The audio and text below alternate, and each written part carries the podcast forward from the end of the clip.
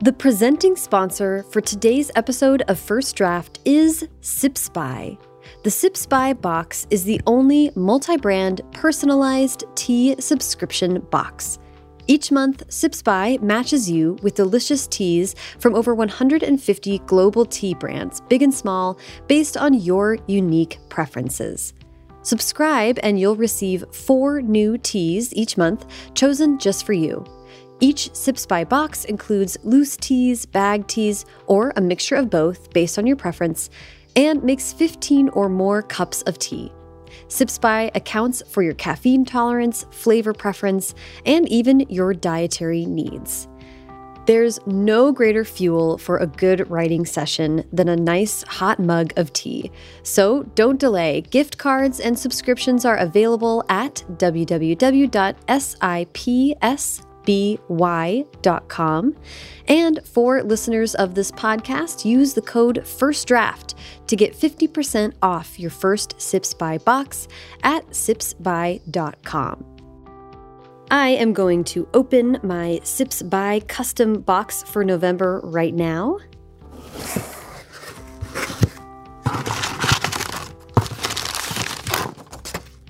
Okay, I'm gonna check out the guide. It says made for Sarah. Yay! It's beginning to feel a lot like fall. Indeed, it is. Sips by this month sent me cozy cold chai, Himalayan green tea, Empress Lady Grey, and three ginger. Oh my gosh, I'm so excited. Um, I've been on a, on a real green tea kick, so I think I'm gonna try this Himalayan green tea today.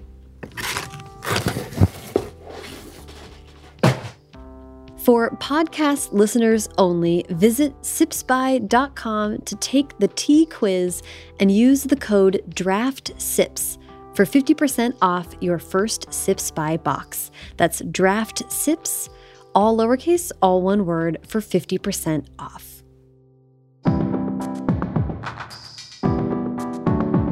Welcome to First Draft with me, Sarah Enni.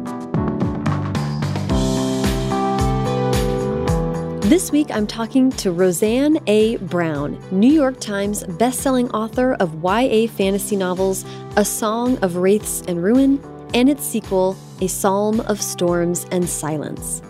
I love this conversation. I loved hearing Rosie talk about unlocking English as a second language through fantasy stories, unbalancing her Western African inspirations with her own unique fantasy world building and speaking of world building, I loved her concept of world core. She talks a lot about that concept and how writers can use it to create consistent and realistic worlds. And she talks about the great realization she had while writing the second book that led her to change the entire ending of her breakout debut series. So definitely stay tuned for that. If you enjoy First Draft, there are a lot of ways you can help support the show. First and foremost, join the First Draft Patreon, where for 5 or $10 a month, you'll get access to an exclusive community forum, which is poppin' right now. We are talking a lot about publishing news and also Taylor Swift and sharing playlists and encouraging each other during NaNoWriMo. It's really, really great in there. And in addition to the community forum, we have monthly video chats with me and 15% off all First Draft merch and I'll give you a shout out at the top of an episode, like right now. Thanks to Jillian Schmidt, David Anderson, Delaney, Melanie, Jeremy JJ Howard, Lindsay Eager, Alexandra, May, Andrina Mazai, and Allison Weiss for joining the Patreon and supporting the show. If you want to just donate directly to the show on a one-time or recurring basis, you can do that at paypal.me slash firstdraftpod or donate via Venmo. The show is on there at firstdraftpod. The show notes for this and every episode are a sneaky, great way to support the show. They are packed with links to everything that the guest and I talk about. And because First Draft is an affiliate of bookshop.org, if you click those links on firstdraftpod.com, it'll take you to bookshop.org. And if you buy a book there, part of your purchase will support the show and part will support independent bookstores at no additional cost to you. And while you're on the website, check out the shop to see all the first draft merch. We've got sweatshirts, tote bags, mugs, notebooks, all kinds of great stuff, and every purchase directly benefits the show. There's a lot of free ways to help too. Subscribe to the podcast on whatever app you're using to listen to it right now, and leave a rating and review on Apple Podcasts. I love ratings, but I get to read reviews in the end credits. So take an extra minute, leave a review on Apple Podcasts, and you'll hear your name at the end of an episode. And sign up for the First Draft newsletter to be sure you never miss an episode and hear about news and upcoming events. Okay, now, please sit back, relax, and enjoy my conversation with Roseanne A. Brown. Hi, Rosie. How are you doing this morning? I am doing great. Okay, I'm so excited to talk today. There, I have so many questions for you, but I love to start by learning a little bit more about the background of my guests, and I always start with going all the way back. So I'd love to hear about where you were born and raised. So I was born in Kumasi, Ghana, in West Africa, but my family we immigrated to um, the United States when I was about four years old. So I'm actually an immigrant, and so English actually isn't my native language. So I would love to like sort of start with that, like kind of how I got involved with sort of reading and writing kind of started with how I was learning English as a language. Mm. And so when I got here, I didn't speak any English. And it was actually a very difficult time because I was so young that like I don't really remember the move, but I remember the sense of transition, like this feeling like you've been taken from one place and now you're somewhere else and everything has changed, even if I didn't fully understand how or why. And I was really falling behind in school like the first couple years I was there. And like teachers were calling my parents like Rose doesn't know what's going on. Like she doesn't understand this. Like we might have to hold her back. We just don't know what to do with her. And of course like this was back maybe this was late 90s early 2000s so like a lot of the ESOL protocols we have now weren't in place mm. back then so mm-hmm. things were a lot more difficult than if you weren't a native speaker and so yeah it was very difficult and like I just remember just the loneliness, like not being able to connect with anyone. And where things started to change, it was around in second grade. My mom, we went to BJ's and they had this like little stuffed dog I really wanted. I was like seven or eight. And I was like, Ma, and Imchi, that's our native language in Ghana. Mom, Mom, I, I, I want the dog. I want the dog. I was being very annoying. And she's like, okay, if you go to the table and you can pick out one of the books and read it from start to finish and tell me what it's about in English, I'll buy you the dog. And so I was like, okay, mom. And so like I stomp over to the table and the book I ended up picking up was Harry Potter and the Sorcerer's Stone. And so I do want to add like a lot of like the current day the author's views and transphobic views on that I do not endorse at all, but like at the time like that book it did just it opened my eyes. I'm like, "Oh my goodness, like you can put words on a page and see things in people's brain." It blew my mind.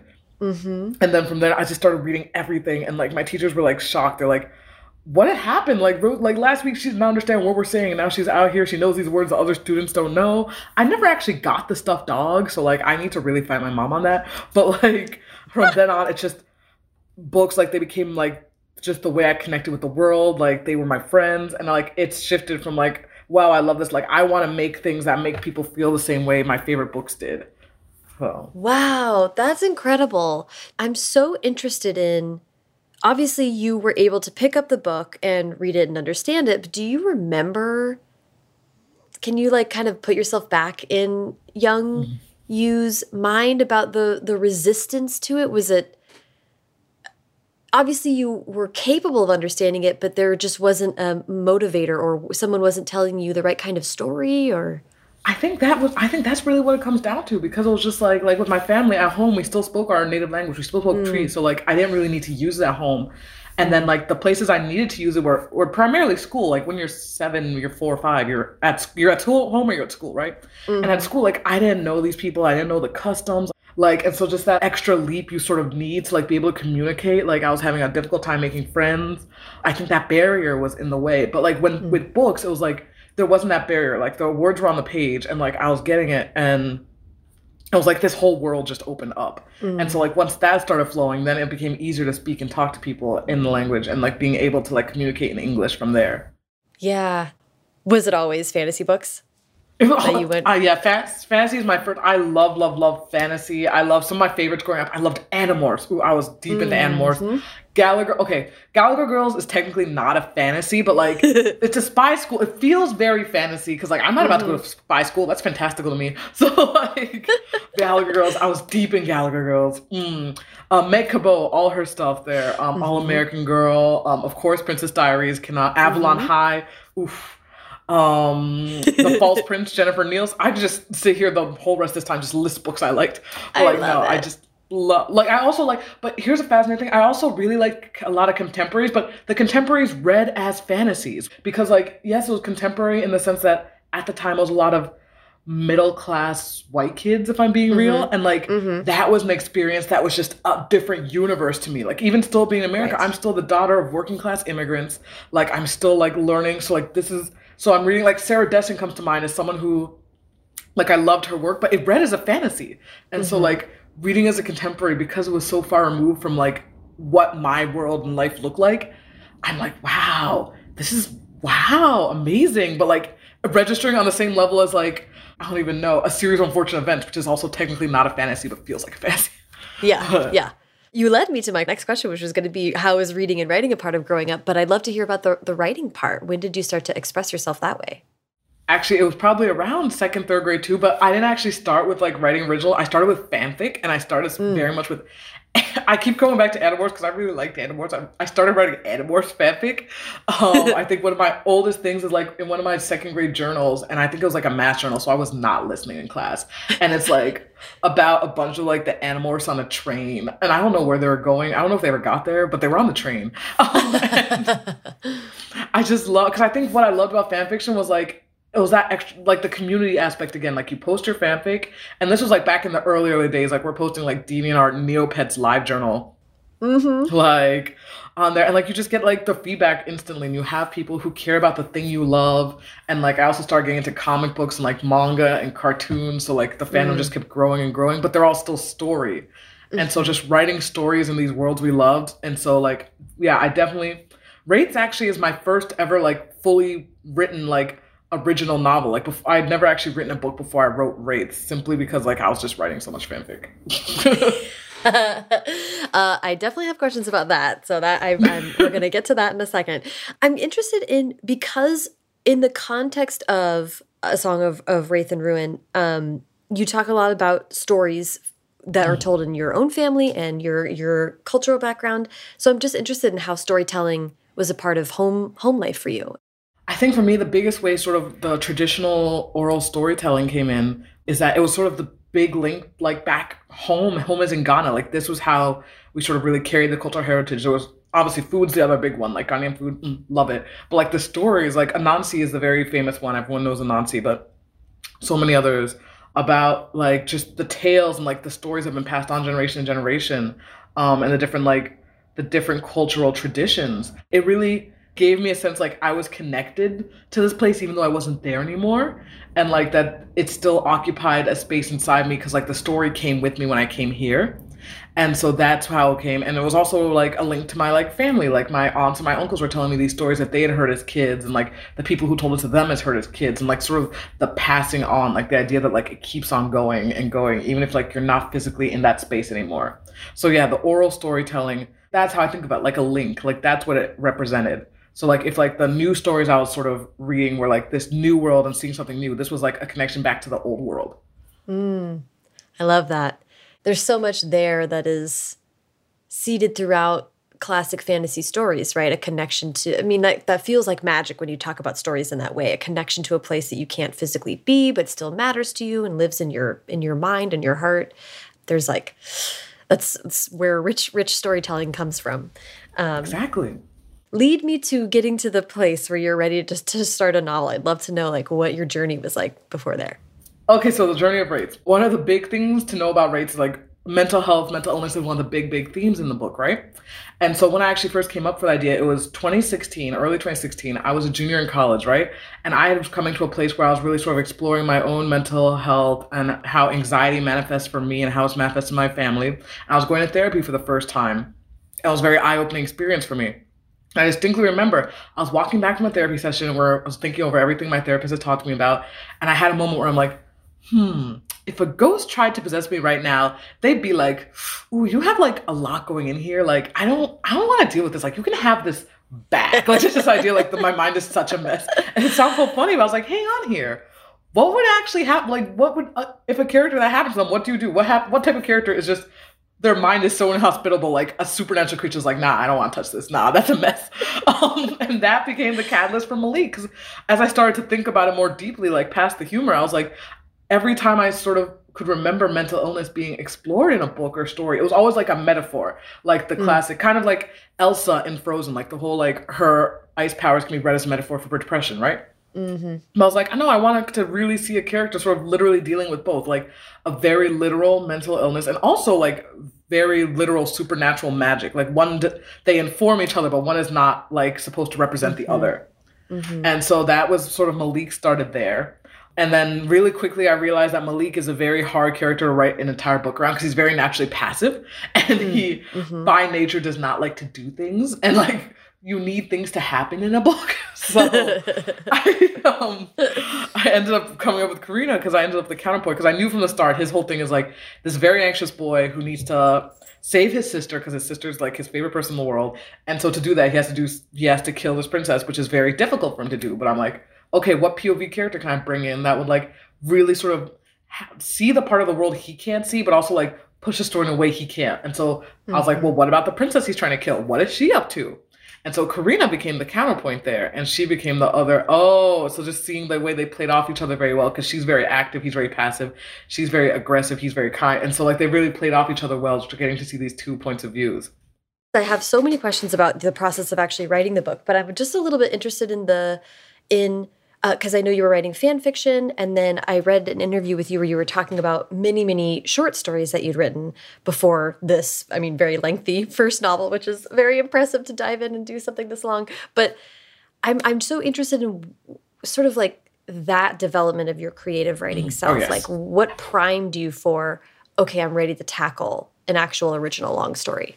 All through high school, like my public school years, I basically did almost entirely fanfic. I wrote a couple short mm. stories mm. for like class, but like those were kind mm. of like because I was being forced to. Um, and then I got to college. I got into this program um, at University of Maryland. It's called the Jimenez Porter Writers House Program, and it's like um, one of the living learning programs on campus. They have programs where students can come and live in dorms dedicated to very specific disciplines. Mm. Um, like they have ones dedicated to art, ones dedicated to global um, international relations, and so Writers House is for writers who would all live in the dorm together you take a workshop together with the people you're living with and so just create this very like community where you're always surrounded by literary like events and people who care about it and like I feel like the workshop is different than other workshops I've been in because like these aren't just like people you see once a week to talk about writing. Like yes, you're we see have the weekly workshop, but you also you see them in the cafeteria. You're walking to class with them like you're there 24 seven.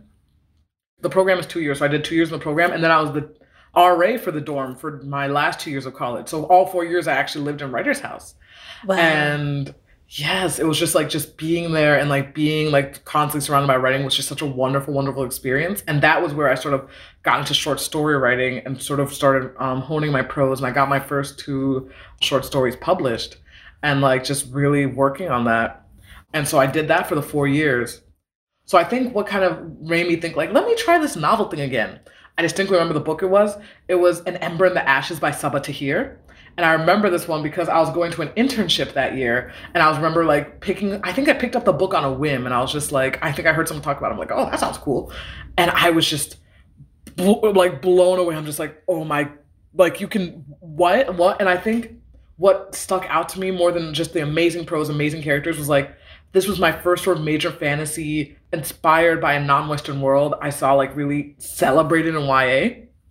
Because again, I had like access to like my stories from my culture and like all that. So like if I wanted to like search out books with like black heroes, I knew where to go. But that was never sort of like in mainstream traditional publishing here in the West. So seeing like, wait, you can write books like with characters of color as main character here in the West, and like people will like enjoy that. There's a space for that. That just blew my mind. So Ember in the Ashes was definitely the catalyst for me being like, yo, I want to try this. Like I could, I want to do a book because like I wanted to do something inspired by West African folklore because that's what I knew so well. And a couple weeks after that, that's when the idea for Malik began. And yes, the earlier story. Oh, I love that. So, so you were sort of primed for like, okay, I'm ready for an idea like this to come along, and then Malik popped out. I think that was another thing that always sort of stopped me was like I knew I wanted to do fantasy, but at the same time, like I also knew I wanted to talk about real stuff and like there's the idea of the quote unquote issue book, which is a whole phrase I have a whole bunch of issues with. But like, there's this idea like if you're talking about like racism or police brutality or colonialism or all these other things that like these very heavy topics, like you are writing an issue book. Like there's not room for that in fantasy, right? It's like you're either writing a fantasy or you're writing about all that stuff. And so I think seeing her tackle both so deftly and so beautifully made me think like, oh, I there's space for this. Like I can do Wraiths and like Wraiths is very obviously about colonialism and imperialism and like the refugee crisis. And but it's also still a fantasy about two kids trying to kill each other. So I have so many questions about A Song of Wraith and Ruin, the duology. Um, mm -hmm. But I'd love to begin by having you officially pitch the book for us. A Song of Wraith and Ruin it takes place in a world inspired by West African folklore, and it follows two protagonists, a princess named Karina and a refugee named Malik. So when Malik's younger sister is kidnapped by a vengeful spirit, he strikes a deal that to win her freedom, he must kill Karina, the crown princess of Ziran. So he enters a competition to win her hand in marriage, so he can get close to her, kill her, and then save his sister. However, what he doesn't know is that Karina's mother, the queen, has just been assassinated. And to bring her back to life, Karina has discovered a spell but she'll need the heart of a king, and there's no king because her dad is dead. So she decides to set up this whole competition to find some guy, marry him, kill him, and then bring her mom back to life. So he's trying to kill her, she's trying to kill him. Neither of them are aware of this. And the book is about the way both their plans go off the rails as all their scheming gets to the point they actually meet each other and they realize they have a lot more in common than they'd actually like there's also lots of like dark magic, trickster spirits, vengeful gods, and like yeah, just all sorts of good stuff. Backstabbing, literal stabbing. It's great. So. I want to talk about the the process of writing the book overall, but I'm interested also in your participation in pitch wars. I'm always so interested in how people. I haven't participated in that ever myself. That came along after I after my time. Uh, so, but I think it's so wonderful, and I'd love to hear about what your experience was like with it Wraiths would not exist without pitch wars, flat out. So go back to timeline. So early 2016, I get the idea. It takes me a year to write the book, right? At which point I once wrote 15,000 words a single day because I did I did part of the book for NaNoWriMo. And I was like, I'm going to win Nano. So 50,000 of those were done over Nano.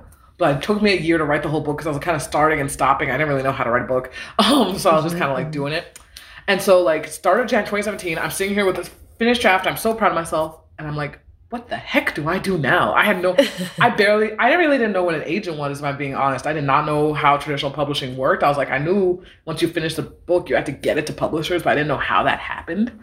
And so at the time I was interning in Entangled Publishing, Ashley Hearn, she was working there at the time. She was one of my bosses, and she was like, Hey, if you have a finished manuscript, you should submit to Pitch Wars. I was like, What's Pitch Wars?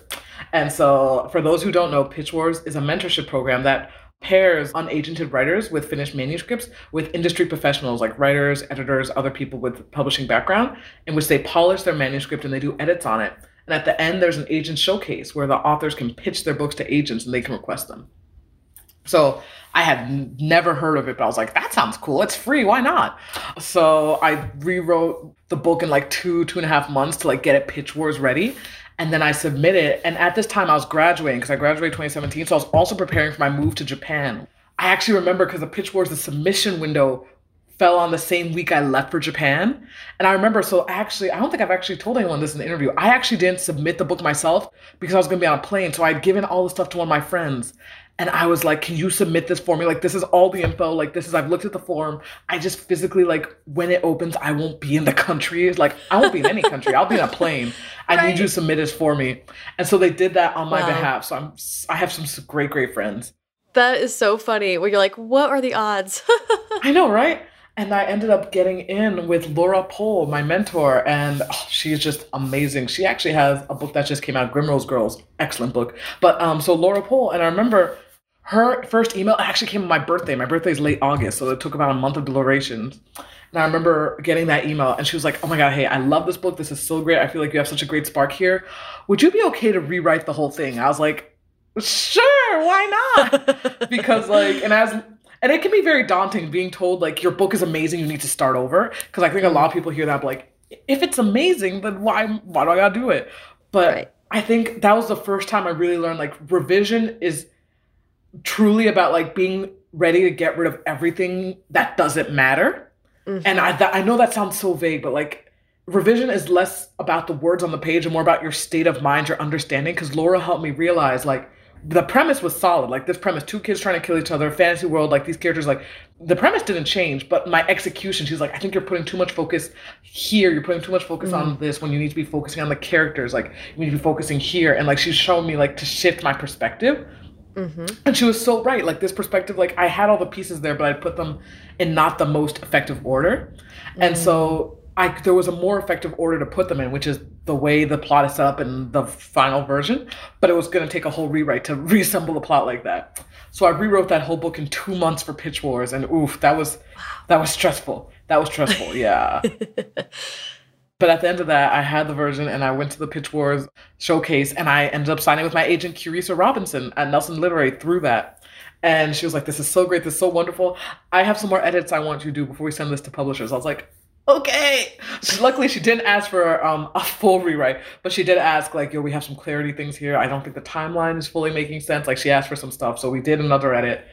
And then we finally went on sub. It was March of 2018. So at that point, I've been working on Wraiths for two years. Mm-hmm. Finally went on sub, and it was preempted by Kristin Rens at um, Balzer and Bray, HarperCollins. And she's like, I love this. I just feel for the character so much. It's so deep. Bob, what do you think about it? Essentially, the thing is, she did not frame it as a rewrite, but like in her editor, like while I was going through it, and I'm like, I'm agreeing with everything she's saying, but in my head, I'm like, this is rewrite level work. Oh my goodness. So, um, mm-hmm. and to, and so from there, we're just working on the book. So we start. She spies it 2018, and it gets approved to copy edits 2019. So we did a full year of edits, and in that we did six rounds of revision. And wow. so basically, the version of Wraith that's on shelves is draft 10. And of those 10 drafts, six were rewrites. Like, wow. Yeah. Yeah. Luckily, not like the later, like the last four were mostly like light, light changes, but like the first six, like this went through big over. And the thing is, Malik and Karina, them trying to kill each other, like that mostly stayed the same. Like that, the premise didn't change. Just sort of the way we approached it, the way we attacked it, the way we like kind of built out the rest of the world. Just it's such a tightly woven book that like when you change mm-hmm. one small thing, it causes a ripple effect like yeah. there was one subplot I remember once that came out of the book when it sold. There was a subplot where Malik was working with a group of rebels. Like that's part of how he got in the palace at first, and like they were helping him with the competition, they were aiding him. But then Kristin's like, I get the rebel subplot, I get this, it makes sense in the context of the world.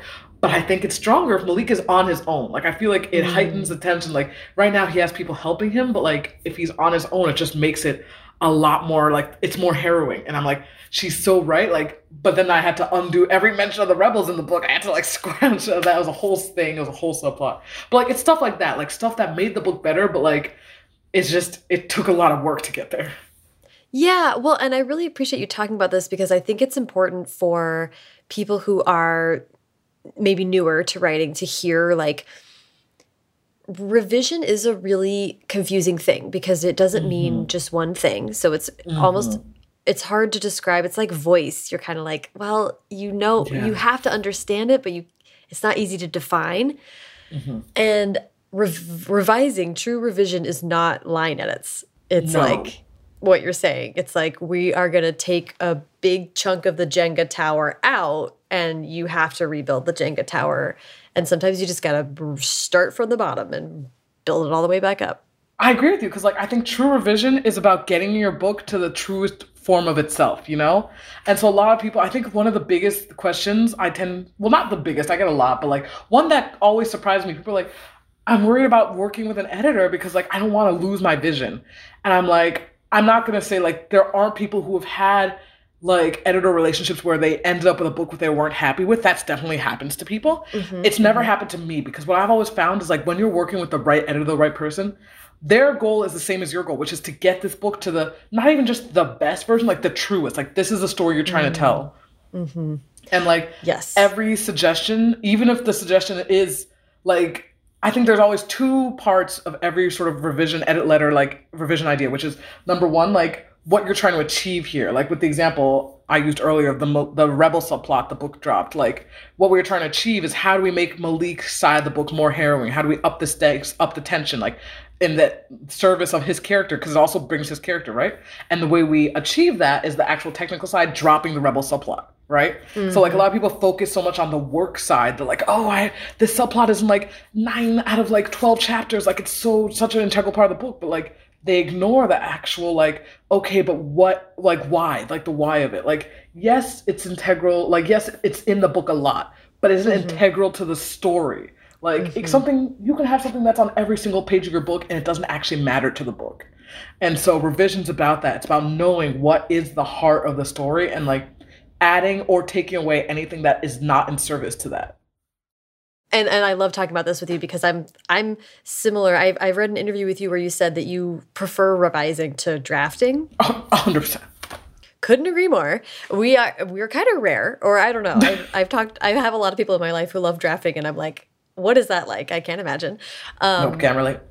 Big reviser, and having a plasticity around your project. I think. I mean, what you're really saying is you need to be in touch as an author with what you want to say with your book right? Mm-hmm, mm-hmm.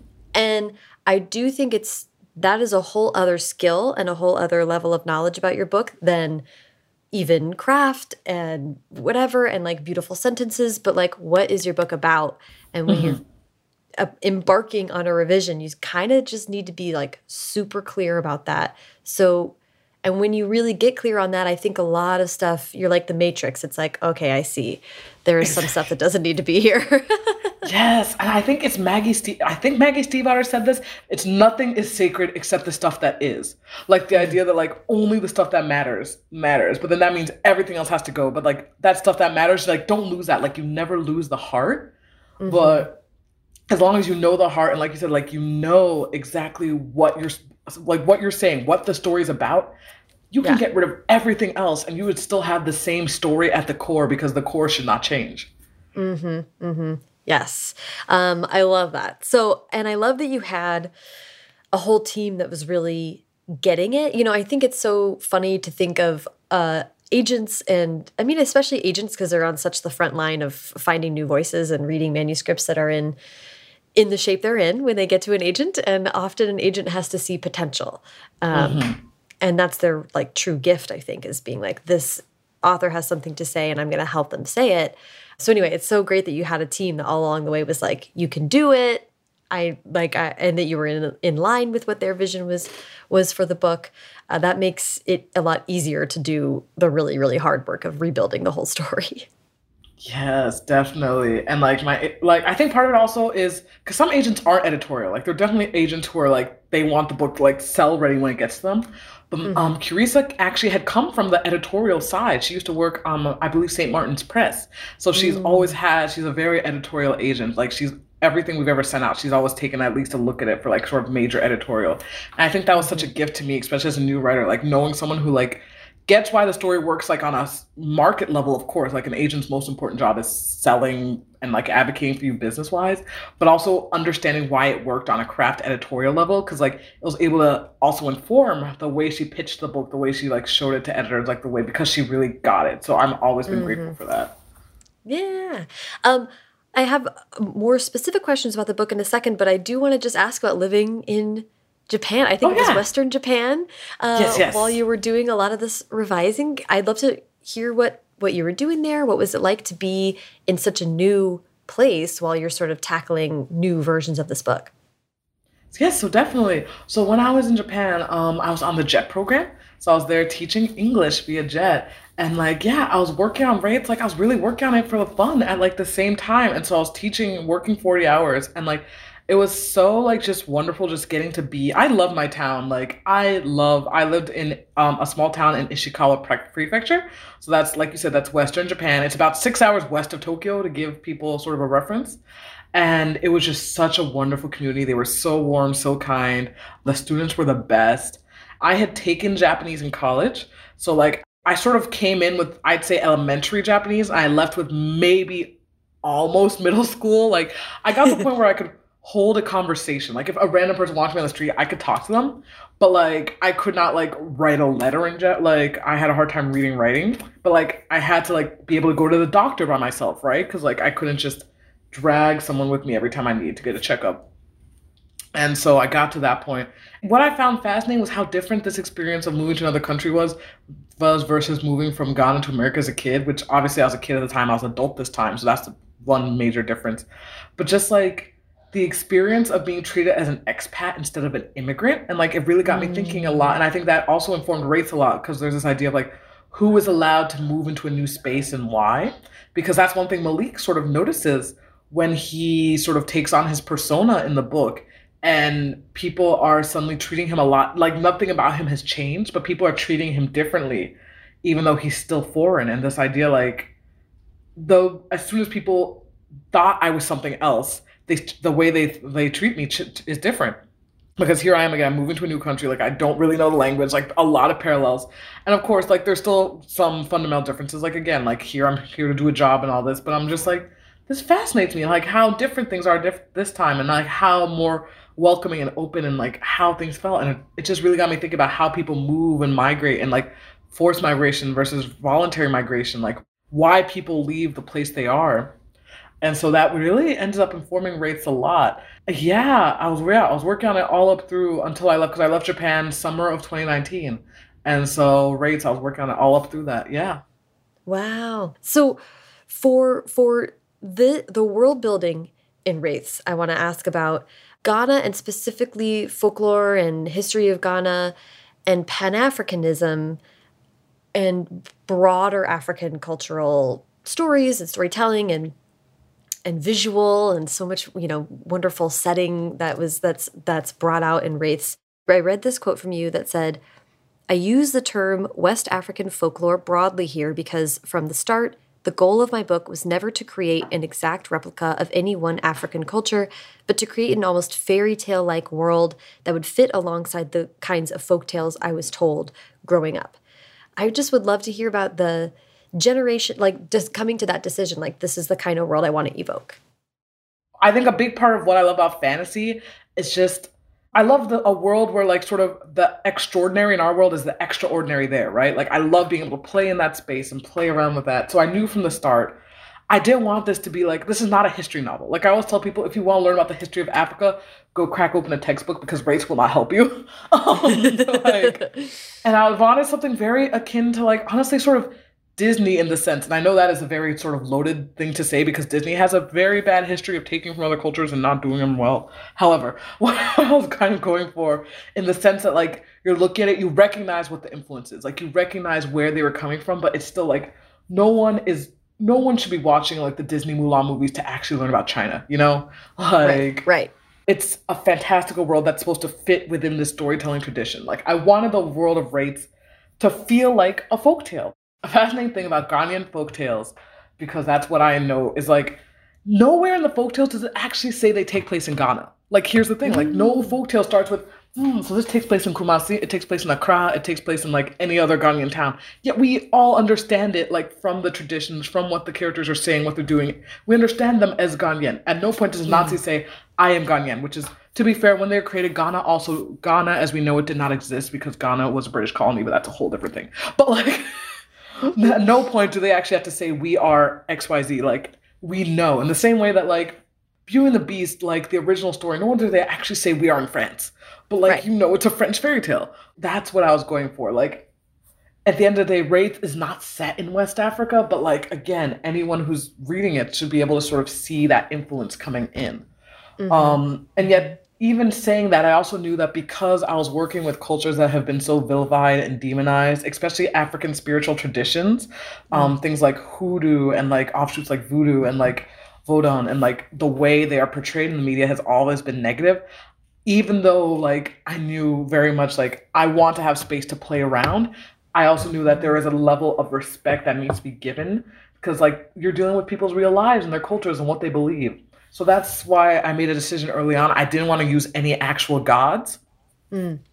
simply because I'm like, these gods are very sacred to these people. And like these gods are very real. And it's like, I don't want to sort of play around with it. Like these are, it's not like playing around with the Greek gods where like you're not about to offend the ancient Greeks.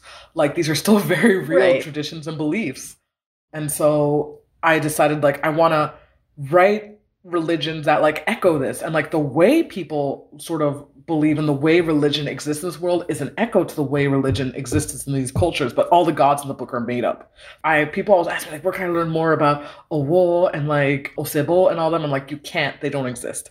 But mm. like mm-hmm, sort right. of the role religion plays that is um, very much based on african spiritual traditions. So i guess that's that is a very long way of answering your the question the idea that like it should always sort of echo where it's coming from, but still be its own thing and understood that like it's it's not meant to be sort of what the source was.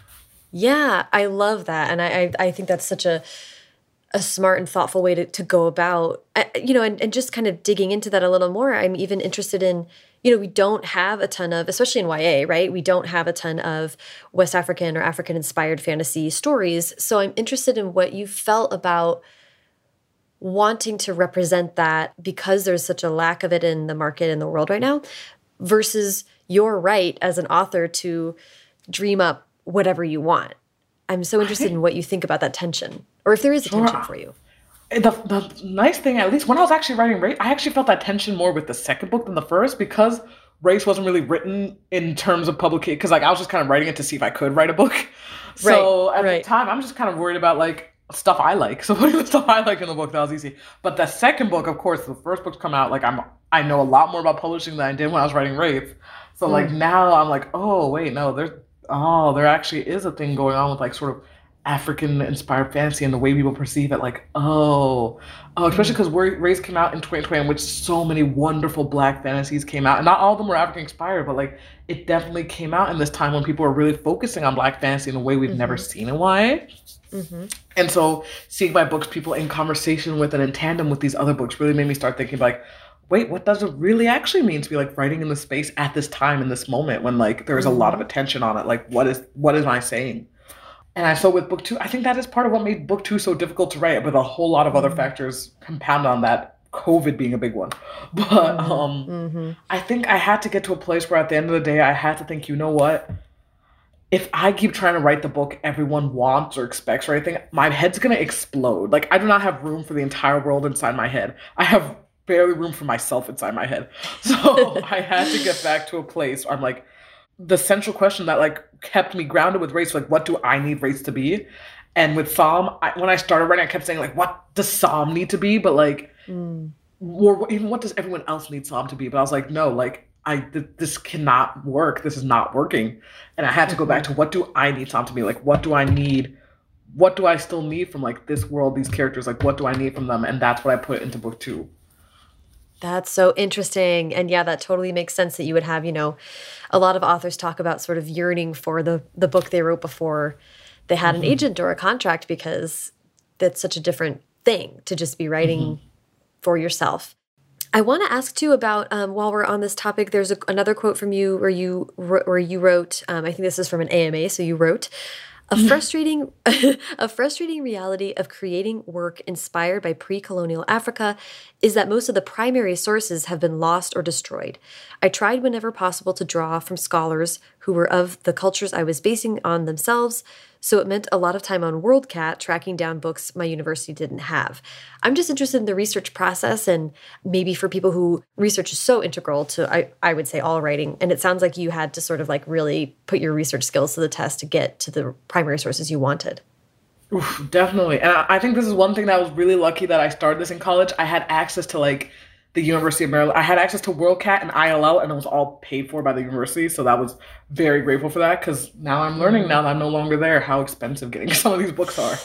Um, and it was definitely like, yeah, like the quote said, like because this region of Africa was so thoroughly colonized and it lasted so long, and in a lot of ways it's still lasting, and imperialism destroyed so much of like cultural history.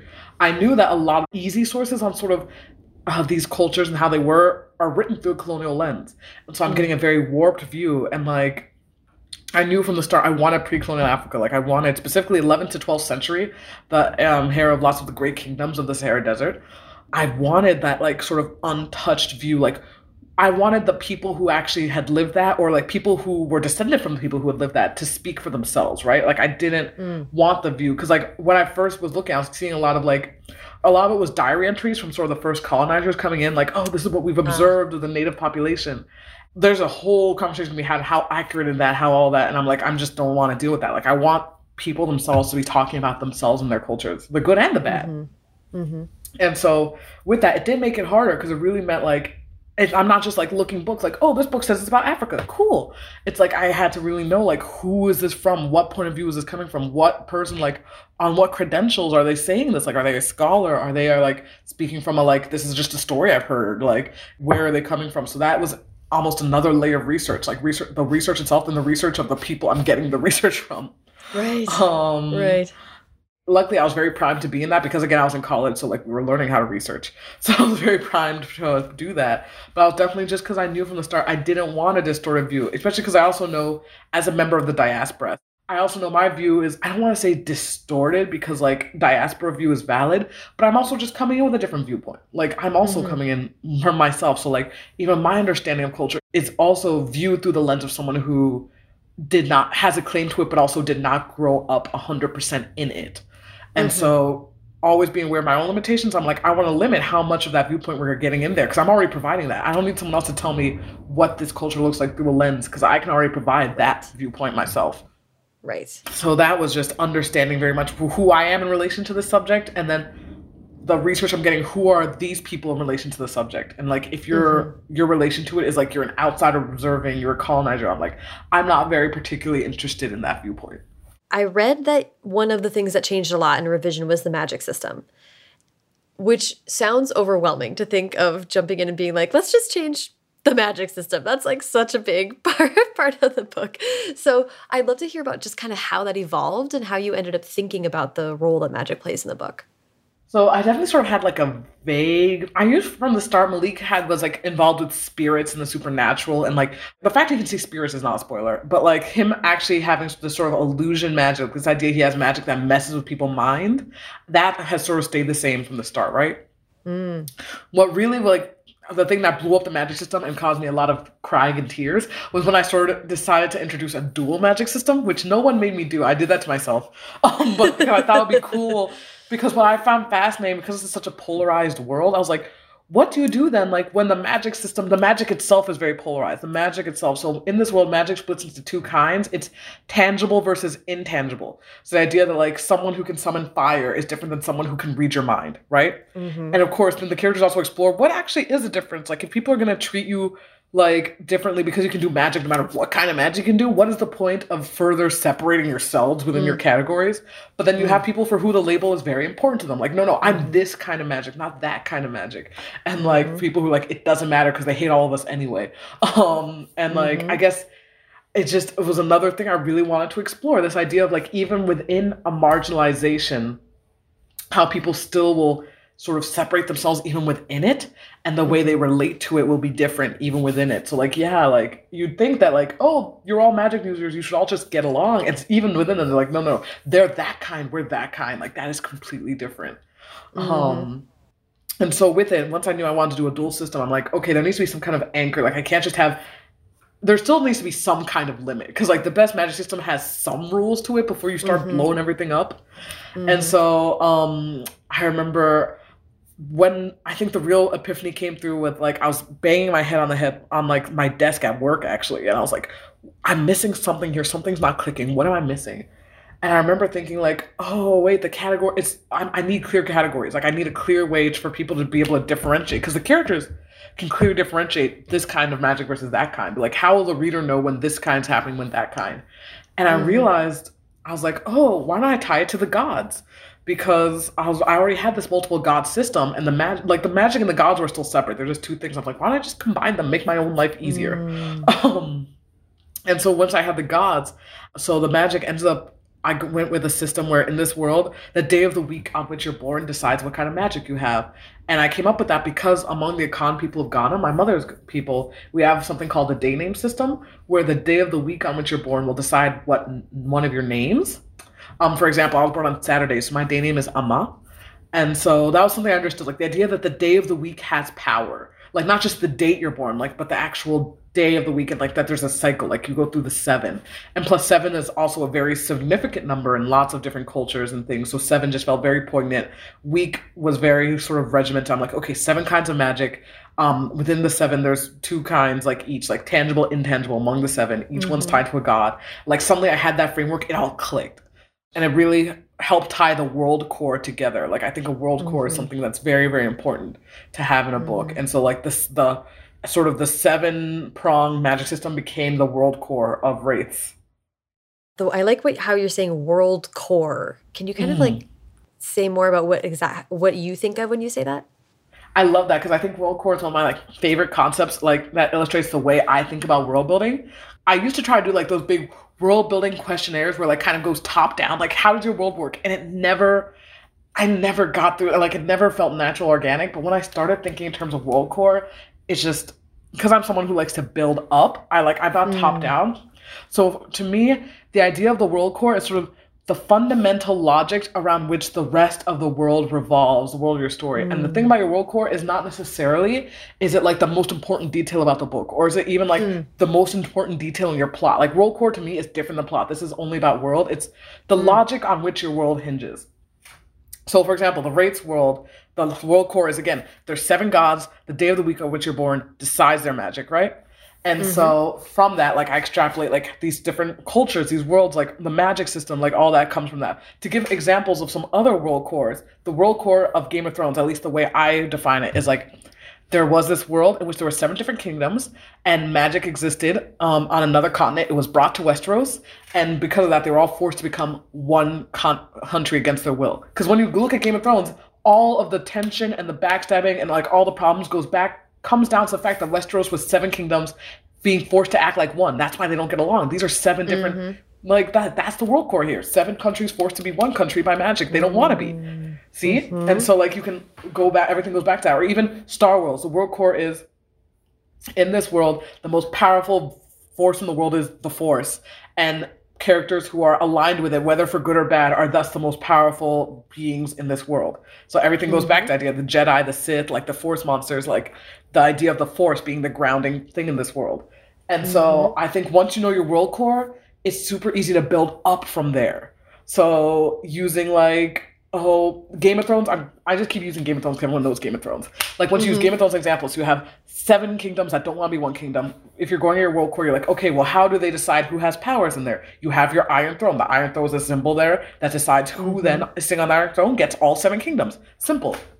What do you mm-hmm. happen if you have someone, one of the countries decide they really want to be their own country again? You get what happened the um, King in the North. You have like what mm-hmm. the Starks and Winterfell, the North did there. Like every sort of decision and sort of character and sort of all of that can go back to the world core, can come into that. And mm-hmm. so when I had the world core Wraiths, I started thinking, okay, if you have a society in which there's seven different gods, people will probably be using the different kinds of gods will have different sort of things associated with them. The different kinds of people will be associated with different kinds of gods. People will be mm-hmm. aligning themselves differently with it. And like the way they move through society is that they, oh, are the wind people don't associate with the um, earth people because like wind and earth are considered opposed to each other, blah, blah, blah. Like similar with Avatar, World Core is it's a world where there's four different kinds of elemental magic. However, there's one person who gets all four. Like that, like and another thing about World Core is I think it's very simple. Like um, the true core is a very, very simple concept, it's everything else, the details that grow out of it that become complex. Because the Avatar world is a very complex world. There's a reason, like, there's people keep on making fanfic and they keep going back to it because they keep making these new stories. But all of them come out of the idea that a world where four different kinds of magic, and most people can only have one, but one person gets four. And like everything grows out of that. What you're making me think of is it's like in movie trailers in a world where blank, blank, right? So yeah, if you're the, if you're brainstorming, you can be like, my world has this one fundamental truism. So, in a world where that's true, then you can ask any question on earth and then fill in your world from there. Yes. I think that's such a good way to put it. Yes, like the fundamental truth of the world, like that is your world core. And I always tell, like, when uh, I hear from a lot of like aspiring and young writers, like, I'm stuck in my world, I'm stuck making my world feel like original, new, blah, blah, blah. Like, you don't really need mm. to feel, I feel like originality can get in the way of good in the sense that, like, it's not your job. Like elemental magic is something has been done so many times. I do elemental magic, mm-hmm. right? But there's always new ways to do it because like you can attack the core from different ways. Like you can go mm-hmm. at it from a different way. And so like your core doesn't have to be the world's most original core. World core of Twilight is like in this world supernatural creatures exist and vampires exist alongside humans. Like that's it. Mm-hmm. That is it. Mm-hmm. But the way Stephanie Meyer chose to take that in like there's so many vampire books, there's so many books where vampires exist in the real world, but like the way she chose to execute that, the way she chose to focus on romance, like what would the love life be of a vampire who falls in love with a human? What would like right. happen vampire get powers based on how they die? Like the way she extrapolated from there is what made the book its own thing. Mm-hmm. And so I always tell people mm-hmm. like your core can sound like someone else's core. That's not a problem. It's like how you choose to execute and sort of extrapolate that just makes your story its thing. But like what you extrapolate has to tie back to your core because if it doesn't then why are you writing about it in this world mm-hmm I love that. and That's such a helpful way to frame it for people who are, especially who are trying to build fantasy worlds, because that just, just looking at it like your assignment is build a fantasy world. It's like pff, uh, that's overwhelming. but if you think about it as make some big overall decisions and then kind of kind of play and see what falls out from there, is a lot more easy to tackle. Yes, easy might not be the right word, but it's just it's just starting. I think a lot of people like what is stopping them is like not knowing where to start. And I feel like if you can just give your place itself a where to start, you can get a lot farther than you think if you have no idea what you're doing. But like mm-hmm. that not knowing where to start, I think is what trips most people up. Mm, hmm I want to ask one more question, just kind of about wraiths, and it, and it is of course brought into Psalm, but it began in wraiths. Is the concept of love how you're exploring love in these books because you i um in in another interview you said this book explores love as both a corrupting and a rejuvenating force. And i was thinking about how in Wraiths there's all kinds of different love. We're talking about romantic love and familial love and that love can make you your best self and your worst self. Because there's the trope of enemies to lovers and that's some somewhat explored here but it's really sort of like getting into how love is just a powerful force that can go both ways. Mm-hmm. Yes, I think so. Where I really definitely started with the sense of love being corrupting, because I remember when I was sort of starting the book, I kept thinking about how often characters are redeemed by love, and I'm not talking like characters where like the narrative is like you're meant to look at them as like bad people. I keep I was talking about like characters where like oh they did all these like awful, awful things, but it's okay because they did it because they love their girlfriend, or because mm. they did it because they've been in love with her for their whole life, right? And mm-hmm. like the mm-hmm. is clearly making you try and see it like they are a hero for this. An obvious one being like Snape from Harry Potter, as we all know, like sort of the always mm-hmm. thing.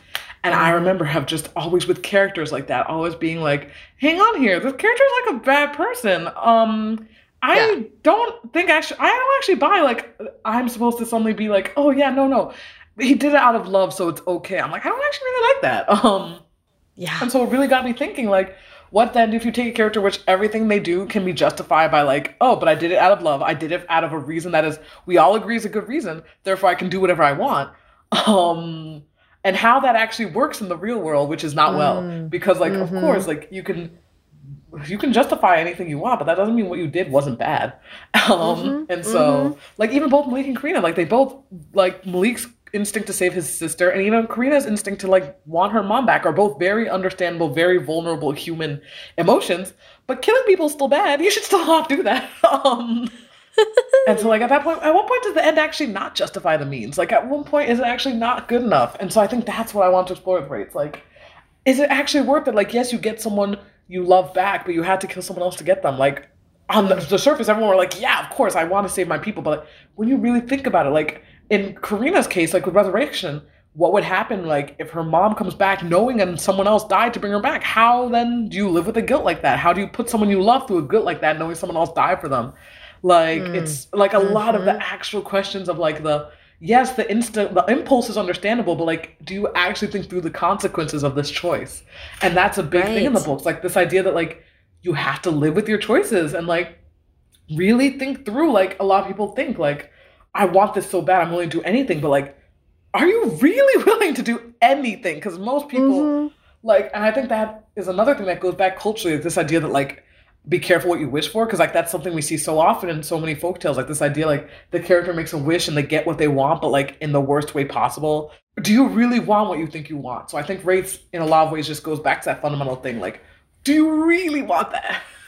Yeah, and and you know, knowing that the origin story of it is sort of tied in with therapy and mental health, you know, I was thinking like Karina is this example of like how far are you willing to go to avoid feeling grief or yes. to avoid how far are people willing to go to avoid being vulnerable and we know in the real world that the answer is like pretty dang far but like that needs to be examined and can we you know normalize like maybe grieve your mom instead of embarking on necromancy. No yeah it's definitely i definitely want readers to be like on the surface. It's like oh she wants to save her mom. She wants to save his sister he wants to save her sister. Like yeah that's understandable but then you start to realize like malik's sister yeah she's kidnapped but she's still alive.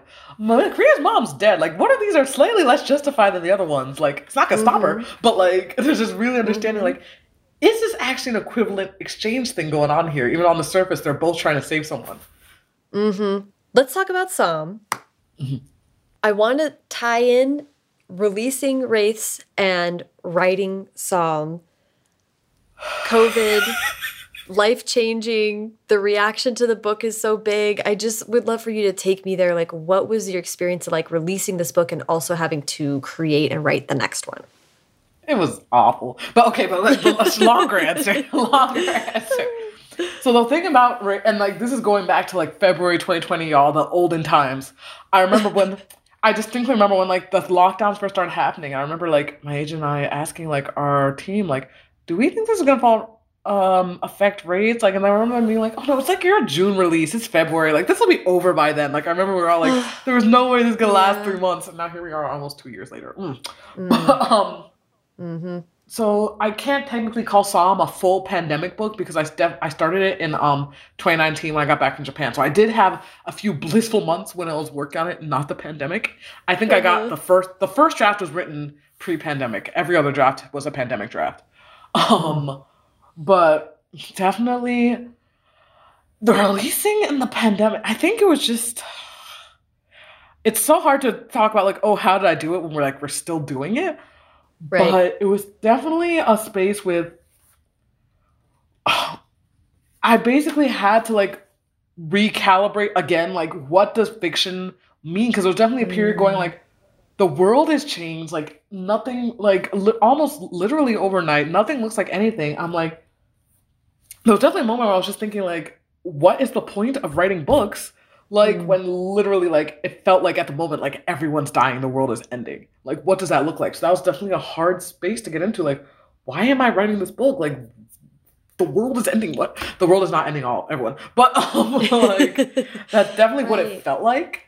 Um and i think it had to come back to well well to go put chronological order to going back to Wraiths. releasing Wraiths, that was because it also was on the um happened during the George Floyd uprisings, and so it was a big time in which people were like really reckoning with like sort of racial justice in the country. Mm-hmm. And really, people were trying to uplift uplift graph creators, which was definitely an amazing thing to see. But at the same time, there was also the weird sort of feeling like I really wish it hadn't taken a tragedy for people to like kind of focus on the work. And like there does leave this kind of like a weird sort of dichotomy between like on the one hand you're really glad like people are paying attention people are like we want to support a black career we want to support but there's also like this is happening because a very awful inhumane crime happened to this poor man and you're just trying to think here like as a black creator like is this sort of always going to be this dichotomy like my work existing outside of like alongside like this tragedy and alongside mm. that and so that was definitely also difficult to wrap my head around at the time mm-hmm. and trying to deal with the like what does this mean? What is my purpose? Like, what is my space? Like, what do I owe myself, my community as a Black commu- creator in this time, in this space? Mm. So that was even more than the pandemic. That's what really affected Wraiths.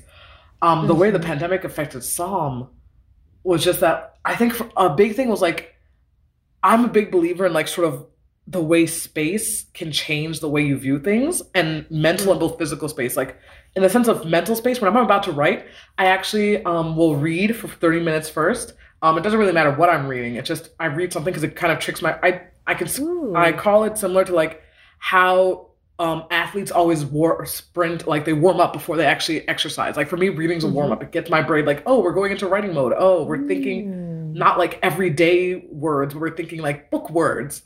sound not very smart way to put that, but no, that's so, so smart. I love that. Yes, and I know some people like if I read before, my writing's gonna sound like what I've read. I'm read, but that's never been a problem for me. But for me, that works. And then I usually will listen to a song that has the same energy as whatever team I'm about to write. So it doesn't.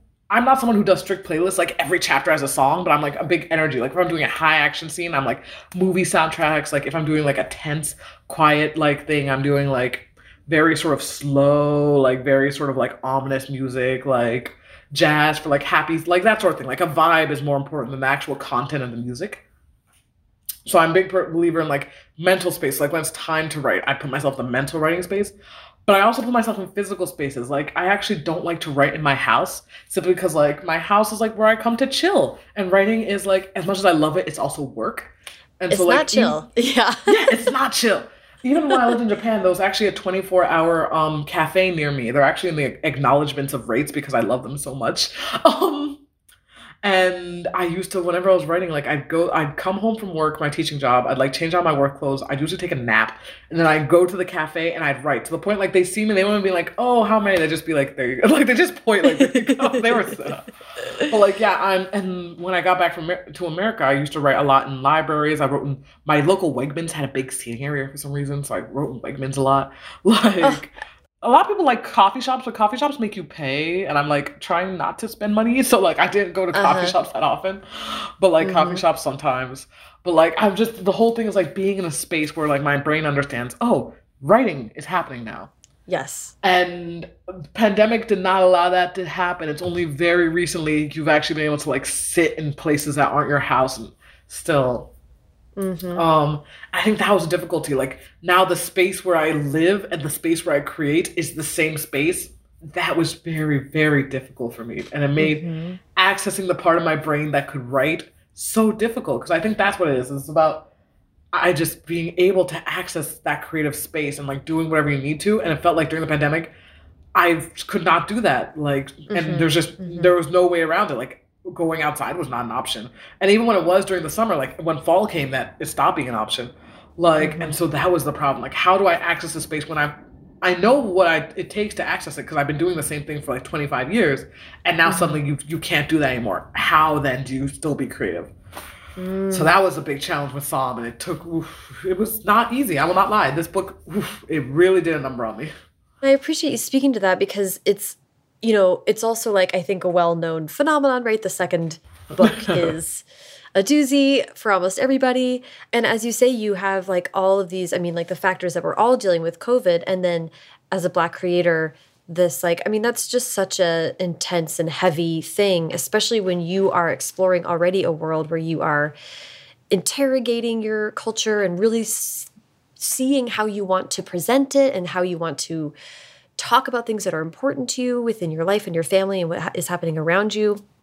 You said earlier th that there were parts of Psalm that were harder because of representing mythology and all that stuff. So, in as much as we can discuss these things, they're kind of magical in how we sort through them in our own brains. But how did you negotiate with that while while finishing this book, while finishing the sequel? When I really had a breakthrough on Psalm, because I turned in, I think Psalm ended up going through um it was it three or four rewrites. No, it was draft four was the draft that was the first not awful draft. So it was three rewrites. Mm. After, sometime after the third rewrite, it was fall of last year, right? And we were starting to realize like with the timeline, Wraiths uh, Psalm was originally meant for a June 1st release of this year, 2021. That mm. clearly did not happen. And so it was around this time last year we were starting to realize like at the pace like Rosie's going at, like, and I take full responsibility. Like, I am the reason the book was pushed back because like I felt the book was not where it needed to be, and like the pace of I'm moving at, the pace the book is moving at, like we're not gonna make June, and like that was a very hard thing to like have to admit to like my team and all these people like who clearly want to just do their jobs and like want to put the book out, who believe in you, and like just to be like, we can't make that. I can't make that. And so after that, they're like, okay, we can push. It was again pushed to August, um, as and again that did not happen again. So originally they're like, okay, we can give you till August. We can give you some more time, like less that. But I was really aware, like, look, I'm being given more time. A lot of people don't get that opportunity, and like a lot of people are just, you have to just put the book out. Doesn't matter if you're not happy with it. So I'm like, I have a chance here, and I think when I sat down to do draft four, I really knew I was like, I cannot like waste time on another draft that just needs to be 100% redone. Like I just do not afford that. But I'm like, what do I need to do to make a draft? Like it doesn't have to be a perfect draft, but it, it can't be mm-hmm. 100% trash either. right. That was very scary and stressful, which again, and I was going through some health issues on top of everything else. So it was just not a great time. And I think I was like, you know what? I need to write this book like as if no one else is ever going to read it, as if only I'm going to like it. Cause like Mm. If I don't trust anything else, I trust my ability to write a book I like. If nothing else, I'm like, I do mm-hmm. not trust a lot else. I do not trust, but I know I know how to write something I like. I'm like, mm. if I can make this draft, if I can make this book into something, because I myself didn't even really like the early drafts either. So I'm like, which sounds so weird. Like, why would you write something you didn't like? But I'm like, I thought it was what the book needed at the time. So like when I go back and mm. look at them, I'm like, okay, I get why I did this, but I don't like it. so I'm like, I need to write something I like that was my goal for this draft. I'm like, and I also had to do it in a month, so that was oof, oof, did not did not enjoy that, but it was, had to be goodness. done, and I'm like. And here's the thing: that draft is actually closer to the ver- final version of Psalm, the one I did in a month, than the one that I took like six months, like that first draft. Which is very weird how that happens because I think mm. it's because hmm. draft four. I'm like, I'm only gonna do the story in a way I like it. Like I like, mm. and like if my editor had come back like it's still not working, that would have been a worst case scenario. And I'm not, I'll be honest, I'm not sure what I would have done then because I'm like, oh, we have a problem now. But luckily she loved it. She's like, Rosie, oh my God, like it still needed work, of course. The final version ended up being draft eight, the print version. And so that was draft four. So we still did like a four more things of edits, but none of them mm-hmm. after that were rewrites. Like none of them, we were still mm-hmm. working with the mm-hmm. same framework. Okay, so what you're saying is making me think of a quote, something you wrote on Instagram recently. This book has pushed me like no other project in my life has. And though it's not the original ending I envisioned for this series, I can say with my whole heart it's the absolute best way I feel Malik and Karina's story could have ended. That is so interesting that you were like, oop, actually, it's going to end in a totally different way. What was that process like? I think a big part of why the early drafts didn't work is because I, I kept trying to write to the original ending. Because, like, you know, when you hold on to something for so long, you don't want to let go.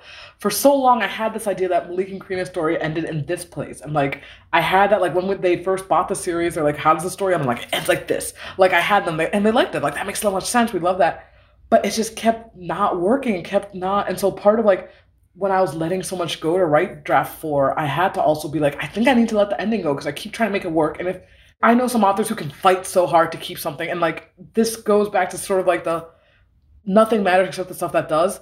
However, mm. you also have to be able to discern what actually matters. I really thought like this ending, this vision I had for it was part of what mattered, and it turns out it actually wasn't because like mm. the story the book was becoming, I had to realize the ending I had in mind fundamentally didn't work with the story it was becoming.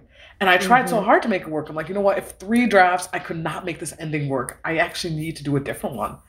And that's the ending that the book went with. The same ending I wrote for draft four. It hasn't changed since then.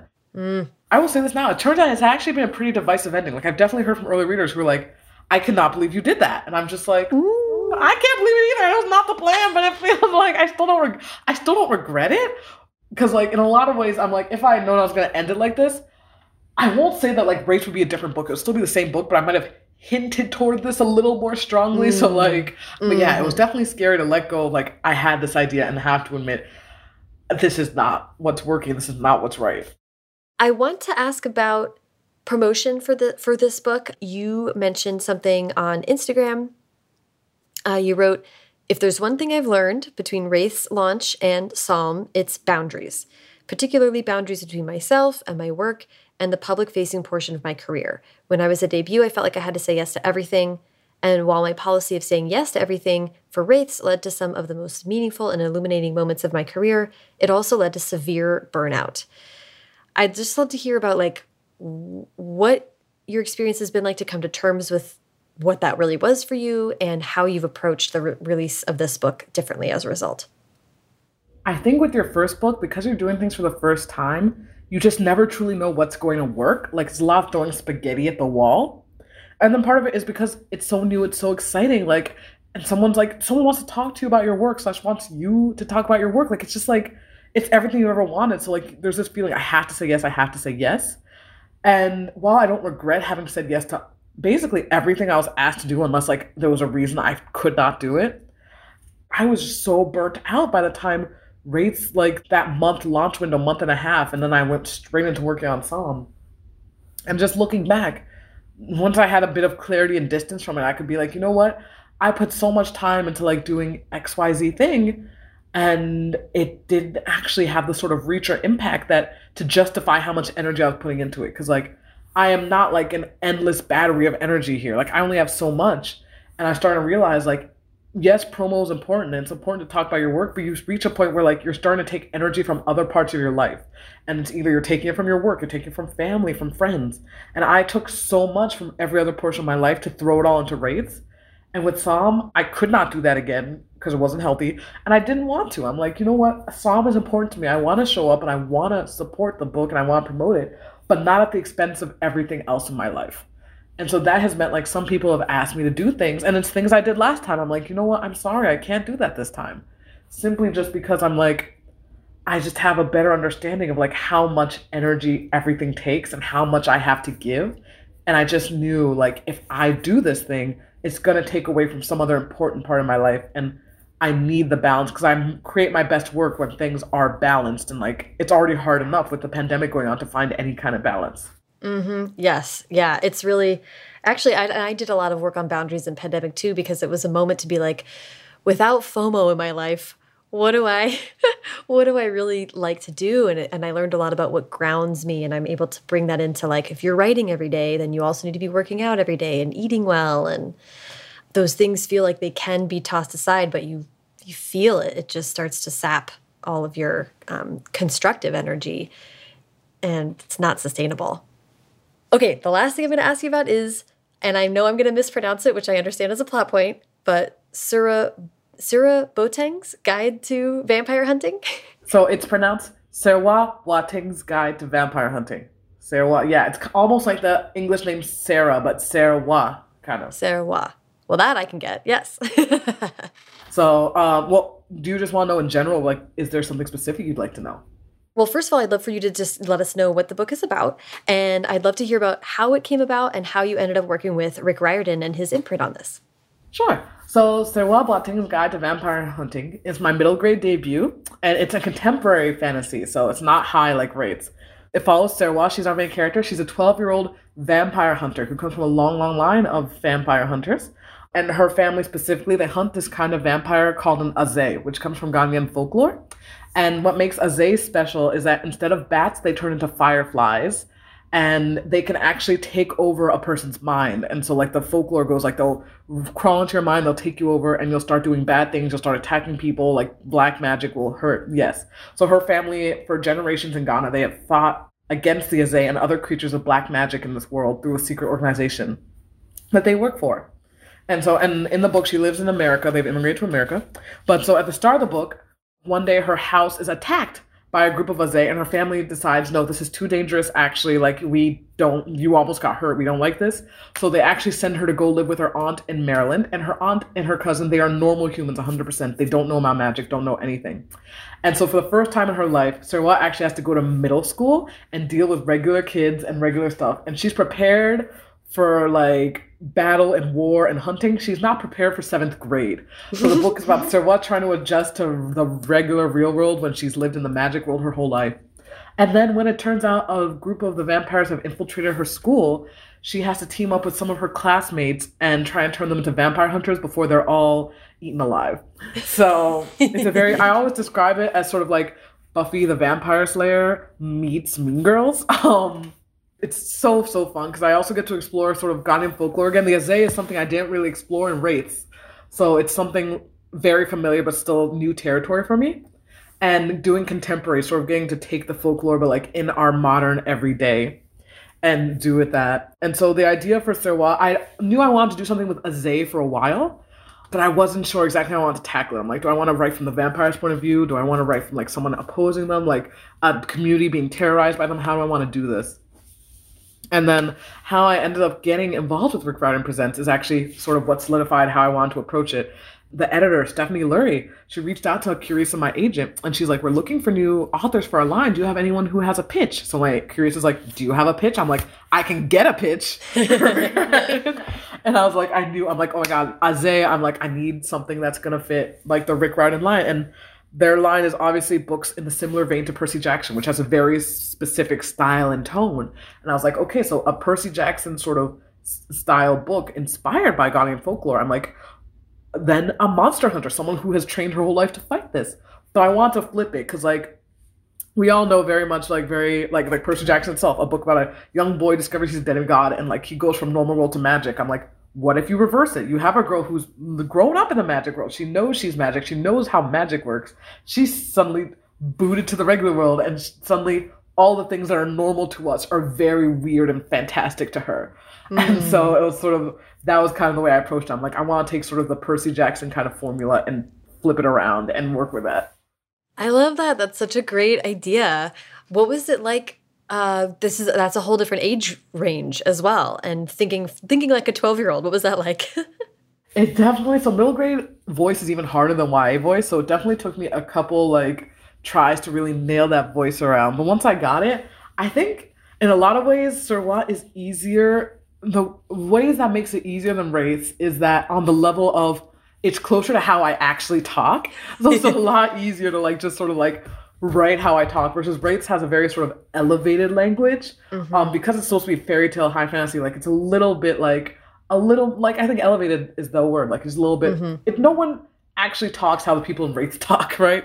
But like so right. what? It's like modern day. These are modern day kids. Like they're talking about TikTok. They're talking about Fortnite. Like these are everyday kids. So I get to write her voice. And also she's a Ghanaian immigrant girl. Like she is I, I won't say she's me when I'm 12 because she's cooler than I was when I was 12, but um, like she occupies a space I understand so deeply. Versus mm-hmm. I don't mm-hmm. know what it's like to be a princess of a fantasy land, but I do know what it's like to be like a new kid who's moved to a school and like you have no idea what's going on, and you also don't know how lockers work. But like, and so on that level, it made it easier. But some things were a lot more difficult because like there was actually a group novel versus mm-hmm. Wraiths where like Malik and Karina are two like I'm dealing with two protagonists who for a lot of the book aren't even near each other. so mm-hmm. that's one thing. But like working with a group and like as Serwa sort of builds her vampire hunting team and like how a group dynamic, that's something I had to sort of edit real work. Like even though the other character like it's still Serwa's story, but each character had to feel like they're having their own story alongside her. So that was something that took a little bit of work to get through. Oh, that sounds so fun. I'm so excited for that. It is fall next year. Yes. Yay. Um, that's amazing. Well, again, You've been so generous with your time. I am so grateful to you. This was such a fun conversation. I love to wrap up with advice. So I would really just love, you've already given an enormous amount of advice, which has been so great. Um, but yeah, just anybody who is looking to write a fantasy novel, maybe especially if they are someone who is not a white person living in America looking to bring in a, a different, a non-Western kind of fantasy story, what, what advice would you have for them? I'd say um, on the be respectful, but also allow yourself to play because we always feel like we have to get it right because like we are the only ones like. There's always that feeling like, oh gosh, if like I am the only book by Ghanaian author this person ever picks up, like what am I saying about my culture? Like we have to feel like we have to be representative and number one, like that's just not possible. None of us are equipped to have the range or like just the ability to, to encompass everything of our cultures and our peoples. And number two, that's not fair. Like no one when people are picking up a fantasy by like a white author is thinking like, mm, so what are they saying about Europe? Like no no one's saying that. So that's not fair, and not realistic. And number two, fantasy is supposed to give like it's supposed to let you play with things you can't play with the real world. And like it's supposed to be a, a space full of the fantastical. And so yes, be respectful. Always be aware of like what is like sacred and what it matters to people and like actually portraying people in ways that are fair. But at the same time, like what I feel like if you are being respectful and doing work and if you get it wrong, be ready to own up to that because that's another important thing. Like when you're gonna get it wrong, I've gotten it wrong. Every author gets it wrong at some point. Be ready to own up to the harm you've done, but don't at the same time be afraid to like play and twist things around and like be like, no, this is not a history book. This is not here to teach a lesson. Like this is a story. Mm-hmm. I love that. That's wonderful advice. I so appreciate that. Um, oh my gosh, Rosie, what a joy. Thank you so much for this wonderful conversation. Thank you so much for having me. Thank you so much to Rosie. Follow her on Twitter and Instagram at Rosie Rambles, and follow me on both at Sarah Enni and the show at First Draft Pod. First Draft is produced by me, Sarah Enni. Today's episode was produced and sound designed by Callie Wright. The theme music is by Dan Bailey, and the logo was designed by Colin Keith. Thanks to social media director Jennifer Nkosi and transcriptionist at large Julie Anderson. And as ever, thanks to you, wraiths, ruins, silences, and storms, for listening.